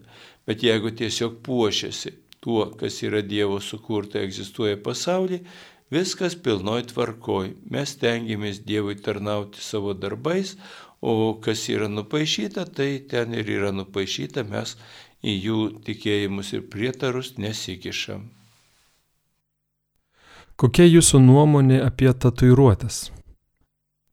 Neigiama. Pirmiausia, tai yra žmogaus žalojimas ir kenkia sveikatai. Antra, aš manau, kad tai yra kvaila. Jeigu ten senoviai, pavyzdžiui, kada e, tatuiruodavosi ir dabar tatuiruojasi tokie neraštingi, labai žemos kultūros žmonės, kad pasižiūrėjęs, kas pas jį yra išpjaustyta ant veido, kad arba išsigastų, kad čia labai stiprus, galingas žmogus, arba kad tai labai baisus žmogus, arba iš karto matytų, kad čia yra dvasininkas, o šitas yra karys, o šitas priklauso konkrečiai genčiai kažkokiai. Mes jau dabar turime raštą, turime daugybę kitokių dalykų, vieni kitus puikiai atpažįstame ir todėl e, draskyti savo odą ir pašyti kažkokius piešinius, mano manimu, yra paprasčiausiai kvaila visų pirma. Na, o paskui gali kenkti ir sveikatai. Kodėl bažnyčia pasisako prieš kontraceptikus? Bažnyčia e, pripažįsta gyvybę, žmogišką gyvybę kaip gėrį ir kaip Dievo dovana. Ir todėl, ir todėl žmogus, kuris sukuria šeimą, jis yra pašauktas dalyvauti naujos gyvybės ateime į pasaulį ir jos neužkirsti. Ir jos neužkirsti. Todėl iš principo kontraceptinės priemonės bažnyčios yra E, bažnyčiai nepriimtinos, o jeigu nepriimtinos, tai nuodėmė. Dar reikia išskirti kitą dalyką. Vienas dalykas yra žmogaus e, pareiga, nu, pareiga arba pašaukimas pakviesti gyvybę į pasaulį, o kurį žmogus, aš nežinau, jau jeigu turi ten kažkiek tų vaikų pakvietęs į pasaulį, gal gal ir ne, nereikia suprasti, kad bažnyčia reikalauja, kad būtų begalybė, kad ten turėtų ne mažiau 15. Arba jeigu turi 15, kad dar 3 reikia. Nebūtinai taip reikia suprasti. Tačiau kai kurios kontraceptinės priež, priemonės e, neleidžia prasidėti naują gyvybę, o kai kurios pradėtą naują gyvybę pražudo. Va. Ir jau šitos e, e, kontraceptinės priemonės, kurios neleidžia vystyti jau pradėtai gyvybei, jos yra vienareikšmiškai, vienareikšmiškai nuodėmingos, kaip jau atsiradusios gyvybės sunaikinimas, tai yra nužudimas. Tai va šitos priemonės jos yra ypatingai nepriimtinos, o, o kitos jos tiesiog irgi bažnyčios nepriimtinos ir yra nuodėmi dėl to, kad, e, kad žmogus turi gerbti ir dėkingai priimti naujai atsirandančią gyvybę. Ar krikšto tėvais gali būti nepilnamečiai? Krikšto tėvais gali būti tikintieji, e, esantys pilnoje vienybėje su bažnyčia. E, pilna vienybė yra trijų lygių vienybė, tai yra tikėjimo vienybė, kada pripažįsta visas tiesas, Toliau sakramentinė vienybė, kada žmogus šituo atveju turi visus vadinamus inicijacijos į krikščioninimo sakramentus, tai yra, yra pakrikštytas, priejas komuniją ir sutvirtintas. Ir trečia vienybė, kada žmogus disciplininė vienybė, kaip pripažįsta bažnyčios va, valdžia. Tai jeigu žmogus yra, e, turi visus įkrikščioninimo sakramentus ir jau yra sulaukęs 14 metų, jis gali būti krikšto tėvu arba krikšto motina. Mano draugas nelanko bažnyčios, nėra prieėjęs sakramentų, tik krikštytas. Per laidotuvės nuėjo ir priėmė komuniją. Kokios pasiekmes tokio elgesio? Nu, tiesiog, tiesiog netinkamai pasielgė, paviršutiniškai, kvailai, e, šiaip jau vadinamas nevertas komunijos prieimimas yra nuodėmė bet šitas žmogus tikriausiai neturi supratimo apie jokią nuodėmę, netinka nepasiruošus priimti šventų sakramentų. Žmogus turėtų būti, jeigu yra kažkas, kuris žino situaciją, turėtų jį sudrausminti. Ir tarp kitko, tai susiję ne tik tai su šventos komunijos prieimimu, bet susiję ir su santokos, turbūt ypatingai santokos sakramentų, kada e, tėvai nori, kad vaikai priimtų santokos sakramentą, nors jie neturi tikėjimo. Panašiai kaip tas, kuris neturi tikėjimo ir nėra pasirengęs priimti šventą komuniją, bet priima ir todėl nusideda. Taip ir e, tas, kuris neturi tikėjimo ir dėl to nėra pasirengęs priimti santokos sakramentą, jis taip pat nusideda. Tai yra didžiulė nepagarba bažnyčiai ir sakramentams. Aišku, nusideda ir tas, kuris į šitą nuodėmę atveda ir paskatina. Ar galima versti žmonės atlikti dvasinės praktikas, kai jie nenori liepti melstis, liepti adoruoti naktimis? Negalima, negalima per prievartą aplamai. Malda tai yra pokalbis su Dievu, tai bendravimas su Dievu, kaip ir adoracija, bendravimas ir buvimas su Dievu. Mes patys e, įsivaizduokim, jeigu norime su kažkuo pabendrauti, pabūti, o tas asmo nenori. Tačiau tresas asmo jį surišo, primušė, prigazdino, atvedė ir būk dabar, nu ir tu sėdė ir tas žmogus, va, tupi kampe pasišiaušęs ir, ir pyksta ant tavęs. Nėra prasmės šitaip. Lygiai taip ir dėl adoracijos, ir dėl kitų dalykų nėra prasmės kažką priversti. Pažvelkime į Jėzų Kristų, kuris, kuris buvo Dievo sūnus ir viską darė teisingai. Jis troško, kad žmonės ateitų pas viešpatį Dievą. Ir ta apie tai yra kalbėjęs tas nuostabus Jėzaus troškimas. Bet jis nieko nevertė jėga. Jis pats save atidavė, kad žmonės patikėtų jo meilę. Tačiau jėga prie Dievo nieko nevertė. Taip ir, ir neteisinga, jeigu mes šitaip elgtumės, verstume kažką adoruoti, melsis, jeigu žmogus siela to nepriima geriau stengtis pakeisti jo širdį. Medžiugorijas mylėtojai ragina visus melstis keturias rožinio dalis per dieną. Sako, kad to prašo Marija.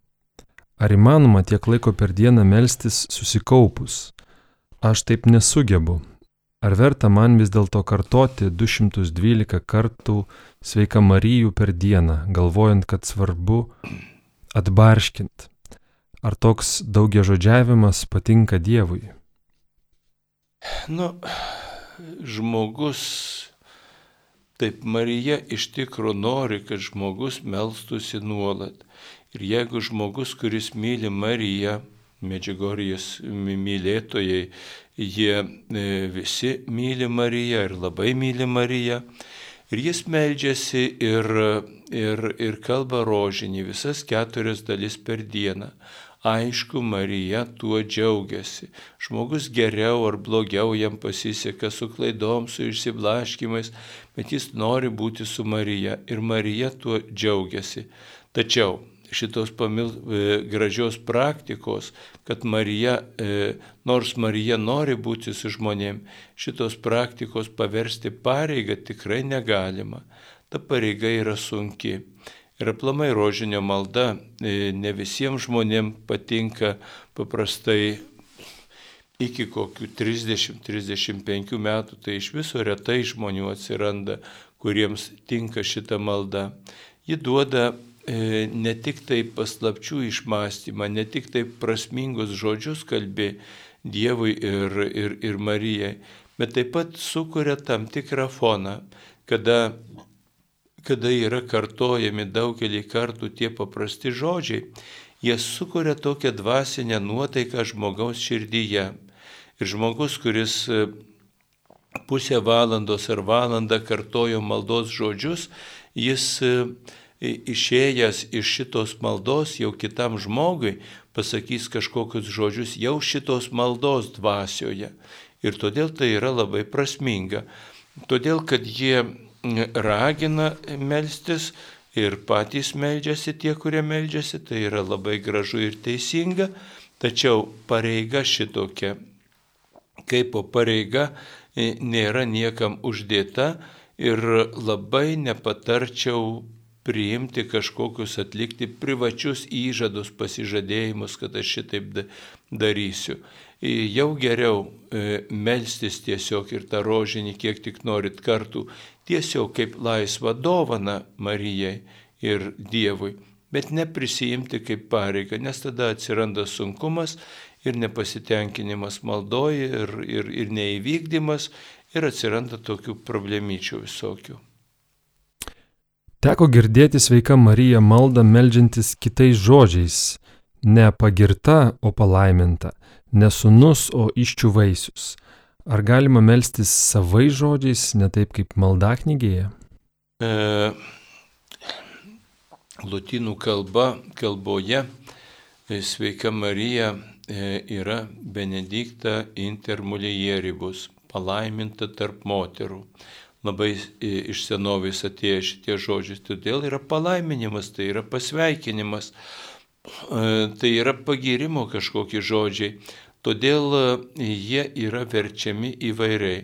Šiaip jau tų maldų, čia yra visuotinė malda sveika Marija, jų vertimus išnagrinėja kiekvieną žodį ten liturginės komisijos, paskui tvirtina vyskupų konferencijos, o kai kurias maldas ir apaštalų sostas patvirtina, kad tai būtų vieningos maldos visų pirma, kad išsaugotų vieningą prasme, o antra, kad visa ta bažnyčia, kuri ta bažnyčios dalis, kuri meldžiasi lietuvių kalba, kad jie visi tais pačiais žodžiais e, šitas visuotinės maldas kalbėtų.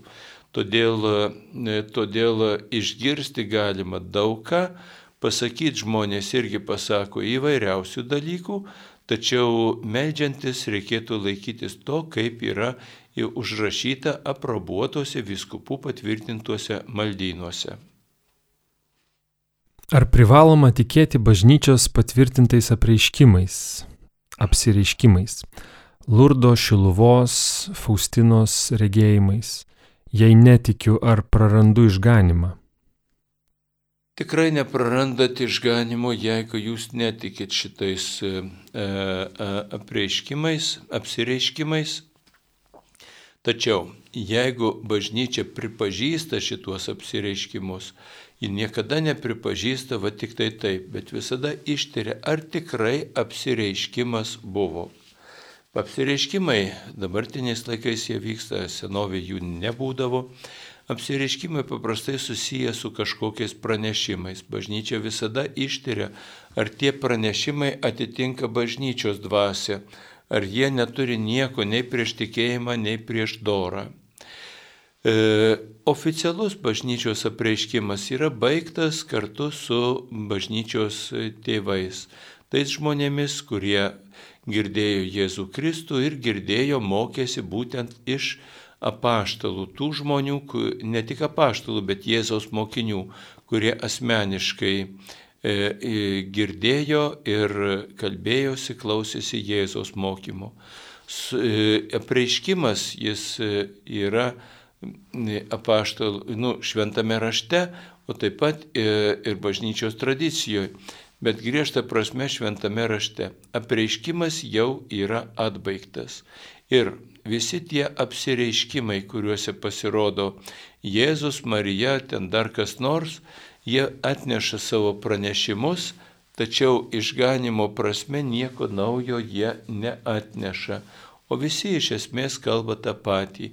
Jeigu gyvensit pagal Dievo įsakymus, jūs turėsit gyvenimą, išganimą ir apsaugą. Jeigu negyvensit pagal Dievo įsakymus, nesilaikysit jo valios, bus blogai. Tai yra kartojama jau nuo žmonijos aušros, kada tik žmogus pažino Dievą.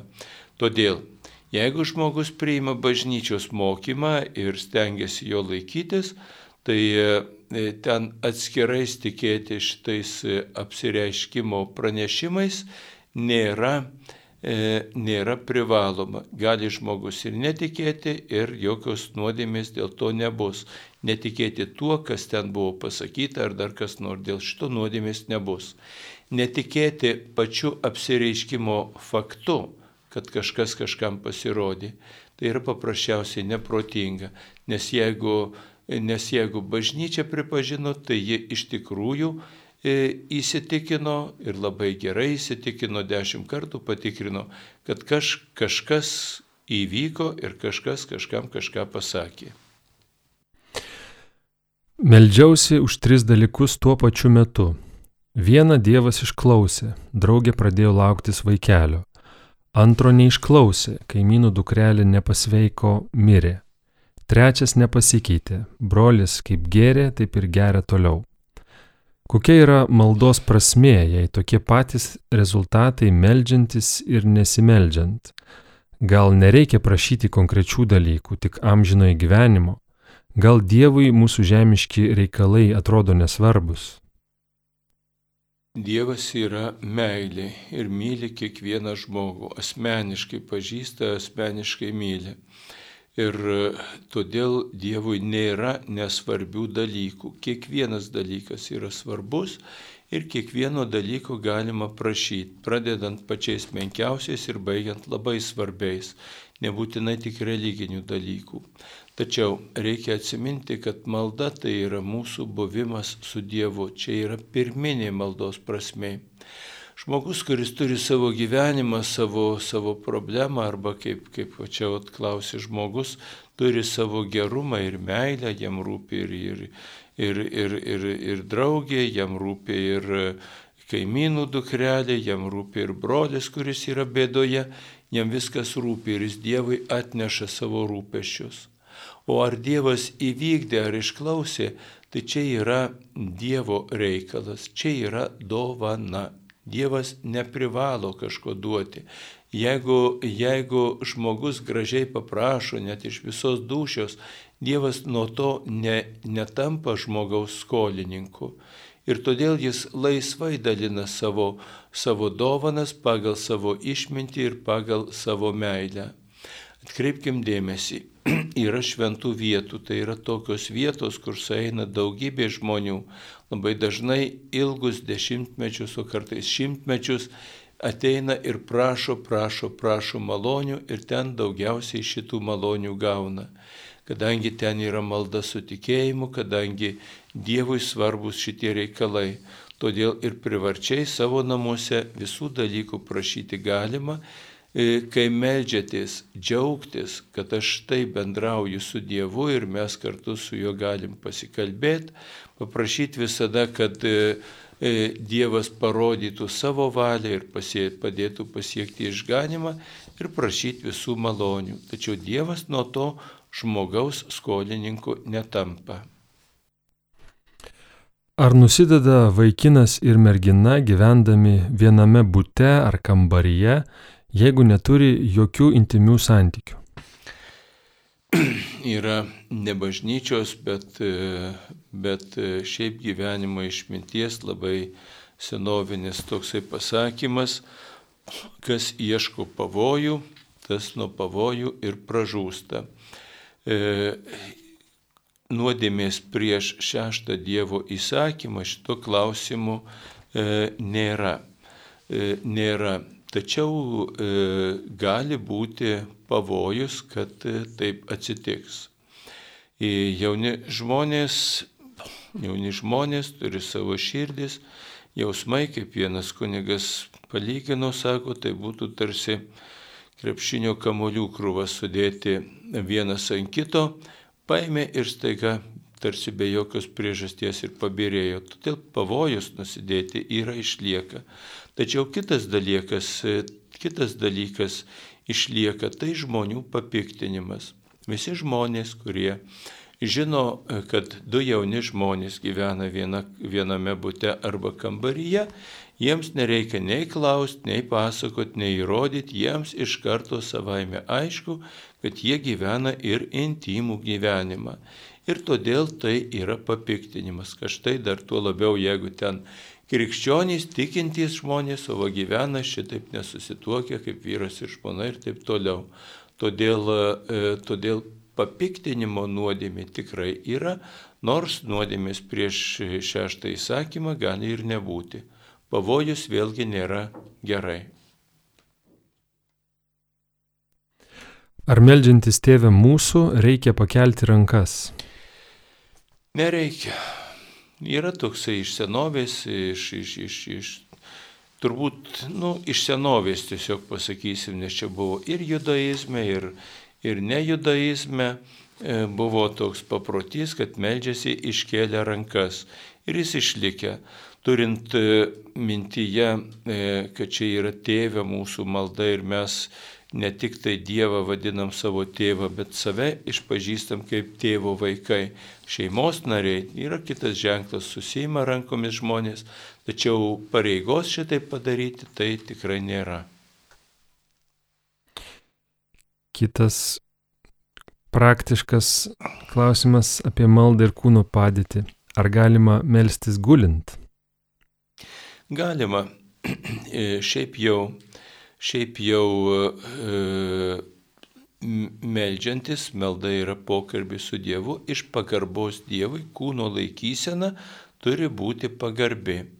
Ir jeigu žmogus e, atėjo, atėjo, kaip pasakyti, ir atsigulė tam, kad pasimelstų, tai aišku yra nepagarba Dievui. Bet jeigu jisai tiesiog va atsigulė tam, kad pagulėtų ir užmigtų, bet nesimiega, tai nereikia keltis iš lovos, kad pasimelstum. Gali tiesiog melstis, kalbėtis su Dievu ir gulėdamas. Kas yra tobulas gailestis? Tobus, tobulas gailestis tai yra gailestis iš meilės, kada žmogus gailėsi ne dėl to, kad užsitraukė bausmę už nuodėmės, bet todėl, kad e, atmetė, paniekino Dievo meilę. Dievas jį myli ir žmogus pats jį myli ir jis gailisi dėl to, kad šitas ryšys yra nuodėmės pažeistas. Toks gailestis yra tobulas. Jeigu gailisi dėl to, kad užsitraukė kažkokias blogas pasiekmes ir jam pačiam pakenksta nuodėmė, toks gailestis yra netobulas. Tačiau taip pat yra geras dalykas, nes tai yra gailestis. Klausytojas rašo, mačiau namuose vaiduoklį, aiškiai nesapnuodamas. Nesu alkoholikas ar psichinis ligonis, bent jau nediagnozuotas. Kas yra vaiduokliai? Ar e, ką turiu dabar daryti? į klausimą, kas yra vaiduokliai, yra bent jau man tai sunku atsakyti kažkokio apibrėžimo, gal ir sunku surasti, tai būtų kažkas tai tokio iš dvasinio pasaulio, kas materializuojasi, ką galima pamatyti akimis. Šitokių dalykų tikrai būna ir pasitaiko, ir, ir jeigu šitie dalykai kartojasi, ar tuo labiau, kad jeigu jie vargina, tada reikalinga kreiptis į bažnyčią ir pasitarti, pasikonsultuoti dėl, dėl, kažkokios, dėl kažkokios pagalbos, kad ką daryti ir kaip elgtis.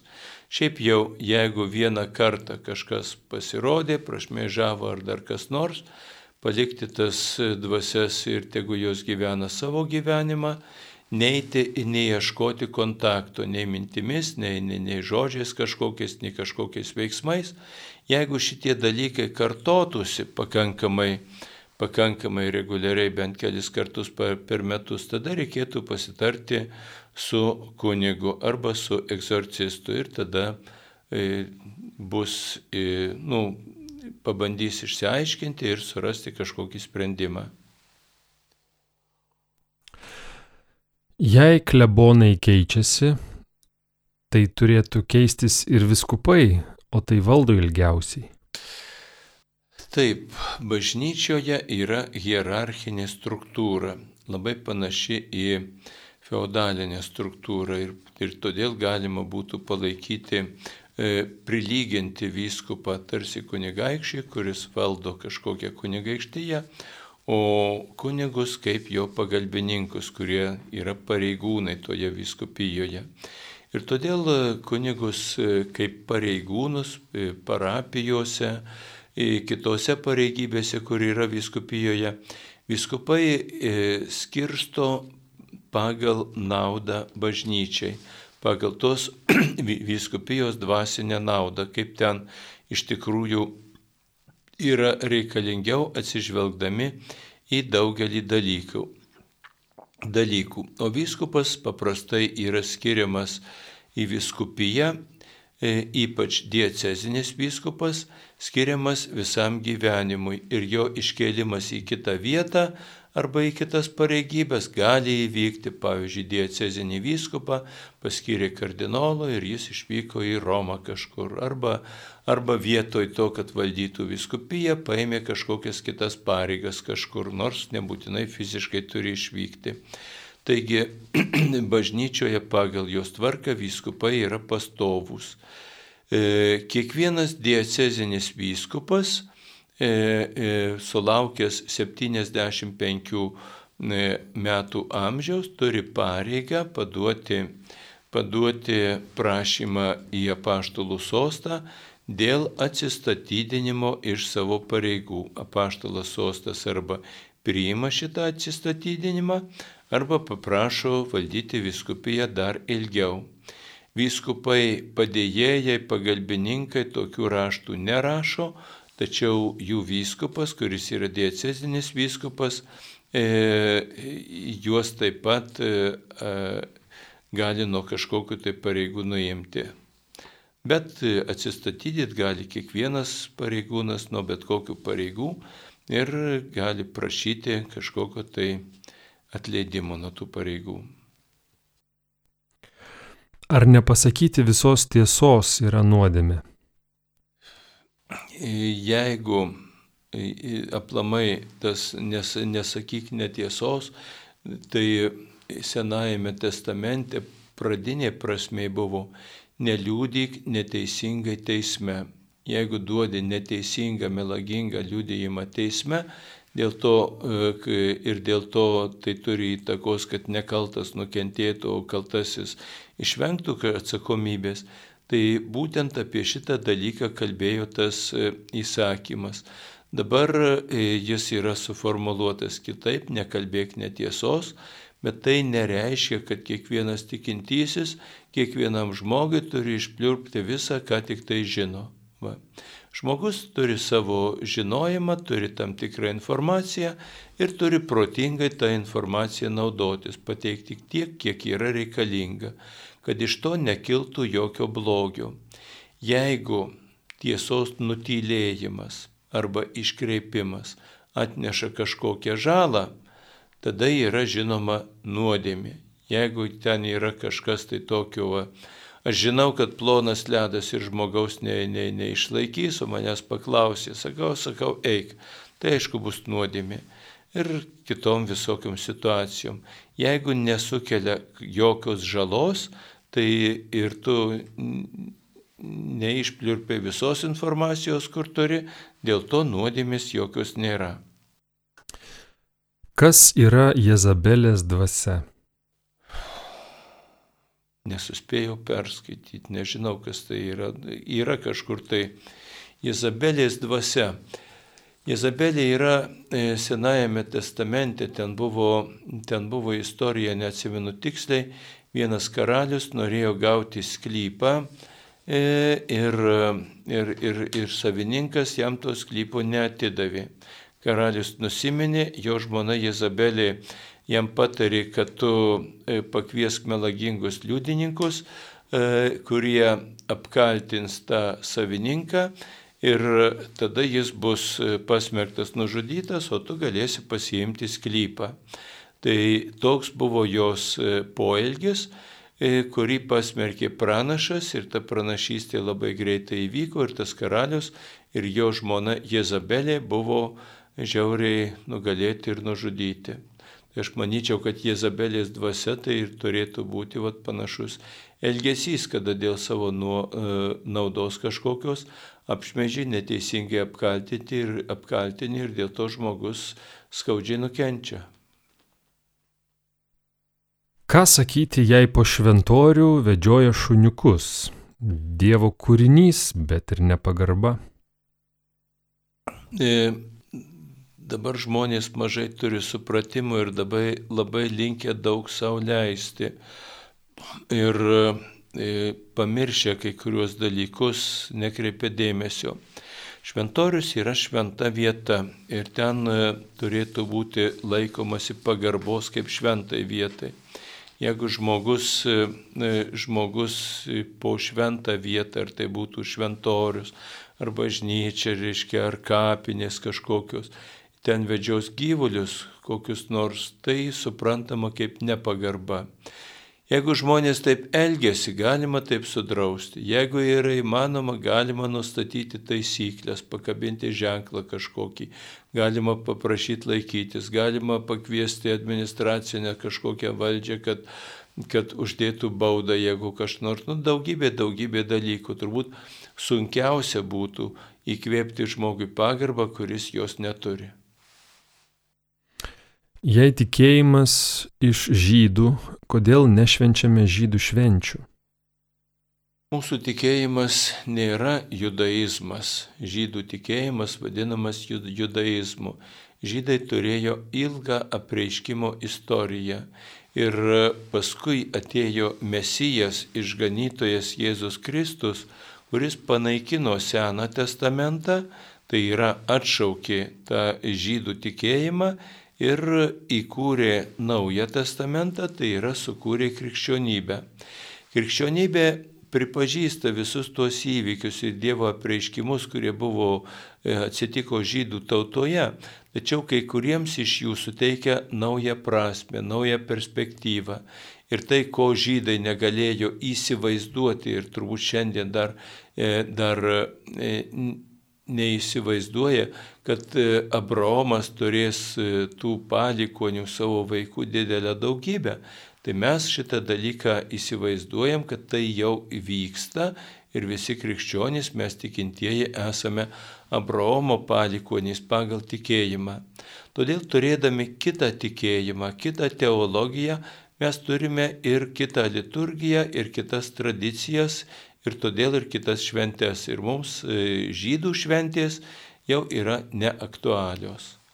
Nors pavyzdžiui, Velykos e, jos turi taip pat ir tą žydišką atspalvį, kadangi minime e, išrinktos tautos perėjimą per Raudoną jūrą.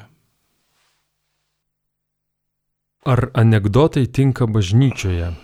Juk Jėzus juokų nekretė, kalbėjo griežtai. Nu, ne tik tai griežtai kalbėjo Jėzus, mes iš tikrųjų nežinom, kaip jis kalbėjo. Jis kalbėjo taip, kad žmonės jį suprastų. Ir e, anegdotai, ne anegdotai, bet Jėzaus e, kalbėjimas, jo mokymas e, žydų tiems pamaldiesiems, fariziems visokiems atrodė nepriimtinas. Aš manau, kad e, tie dalykai kaip Jėzus kalbėjo palyginimais, kad būtų žmonėms aiškiau taip ir kažkoks tai juokelis, anegdotas, jeigu savo vietoje, jeigu jis truputį sujudina ir pažadina žmogų ir pa, padeda pažvelgti arba giliau, arba kritiškiau į kažkokį dalyką, tai nėra blogai. Esmė yra paprasta - pagarba šventai vietai ir šventoms šventoms apieigoms. Jeigu kažkas bažnyčioje, ar tai būtų kunigas, ar būtų pasaulietis, iš bažnyčios daro karikatūrą, tai blogai. O jeigu nepažemina nei bažnyčios, nei tikinčiųjų, nors ir pajokautų, tai nėra blogai. Kuo skiriasi palaiminimas nuo pašventinimo? sunku dabar jau ir pasakyti labai tiksliai ir konkrečiai. Palaiminimas tai yra e, kažkuo panašus į tokį intenciją, į palinkėjimą, kada yra laiminami namai, žemės, e, automobiliai, gyvuliai laiminami su ta intencija, kad žmogus paskiria, jog šitas dalykas yra paskirtas Dievo garbiai ir kad šitas dalykas priklauso Dievui, Dievo kūrinys, jo pasaulio dalis. Duok Dieve, kad visi, kurie gyvena palaimintuose namuose, kad jie prisimintų, kad šitie namai yra paskirti Dievo garbiai, bet ne nuodėmiai. Pašventinimas paprastai eina kartu su paskyrimu kažkokiam tai šventiems dalykams. Paprastai tai būna liturgijai, maldai. Todėl šventinamos maldaknygės, kryžiai, paveikslai, bažnyčios, kitos vietos, kur yra melžiamasi, liturginiai indai, liturginiai rūbai, jie yra pašventinti, kadangi jie yra paskirti Dievo garbiai. Va, ir, ir, ir O palaimintas tas dalykas, kuris yra Dievui pavestas, bet nepaskirtas konkrečiai jo tarnybai. Mėly Marijos radio klausytojai, klausk drąsiai laida jau artėja prie pabaigos. Primenu, kad šiandien joje kuningas Vytautas Brilius atsakė, atsako į jūsų klausimus užduotus ankstesnėse klausk drąsiai laidose, į kuriuos nebuvo spėta atsakyti, jų iš ties prisikaupę, ne visada spėjom atsakyti visus, tad ši laida buvo tokia, buvo atsakoma į klausimus anksčiau užduotus ir kadangi laidos laikas senka, turbūt bus paskutinis klausimas. Kaip suprasti šio laikmečio ženklus, karo grėsmę, augančias kainas, pandemiją, kai kur grėsinti badą, nedarbą ir panašiai šitie dalykai, įvairiausi sunkumai, išbandymai, kančios ir mirtys yra per visą žmonijos istoriją. Tik tai, kada jie atsitinka arba grėsmė kyla ne mums, o kitiems, tai mums atrodo, kad nieko tokio baisaus ir nėra. Dabar mes e, gyvenam e, tokiom nuotaikom ir medžiamės už taiką Ukrainoje, E, kad e, ir pergyvenam, kad ten vyksta toksai karas, neteisingas su visais žiaurumais, tačiau pamirštam, kad karų vyksta visur. Afrikos žemynė nesibaigia karas, nesibaigia prieskaudos, nesibaigia įvairiausi pavojai, miršta tūkstančiai žmonių, įvairūs persekiojimai įvairiuose kraštuose, jau nekalbant apie didžiulį skurdą, mes, ačiū Dievui, gyvenam toj mažoj, mažoj žmonijos e, daleliai, kur iš tikrųjų yra ir gerovė, ir visokios sąlygos užtikrintos, o yra žmonių, kurių tiesiog e, nekyla klausimas, ar man veganiškai, ar vegetariškai, arba kažkaip maitintis, arba kokius aš esu lyties.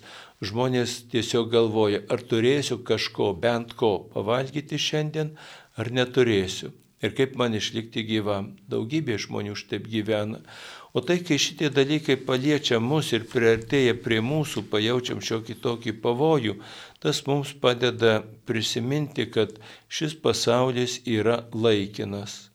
O iš tikrųjų tai e, mūsų klausimas, žmogiškas klausimas, ar mes ne apie tai, ar mes nukentėsim ar nenukentėsim nuo, nuo bedarbystės arba nuo uragano. Bet klausimas mūsų gyvybės yra, Ar mes tarp visų šitų kančių, grėsmių, uraganų, papiktinimų, nuodėmių, ar mes išliksim žmonėmis, ar mes išliksime ištikimi Dievui ir savo žmogiškumui. Va šitas dalykas yra e, esminis. O tie visi dalykai, kurie vyksta pasaulyje, mums, ačiū Dievui, primena, kad šis pasaulis yra labai trapus ir laikinas.